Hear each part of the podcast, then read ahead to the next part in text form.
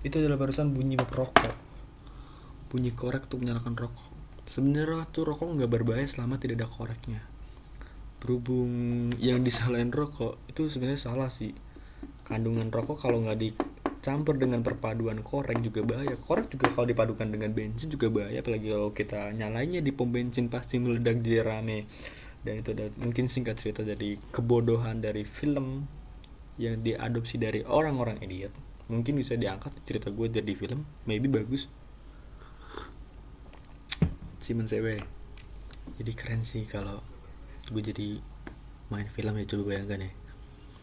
Ya kalian nggak tahu muka gue sih sebenarnya gue ganteng yang tertunda sih. Terus galungnya kapan bang? oh kapan nih? Kayak kapan-kapan dah kalau dini dari suara gue juga kalian bakal tahu gue orangnya gimana sih. So thank you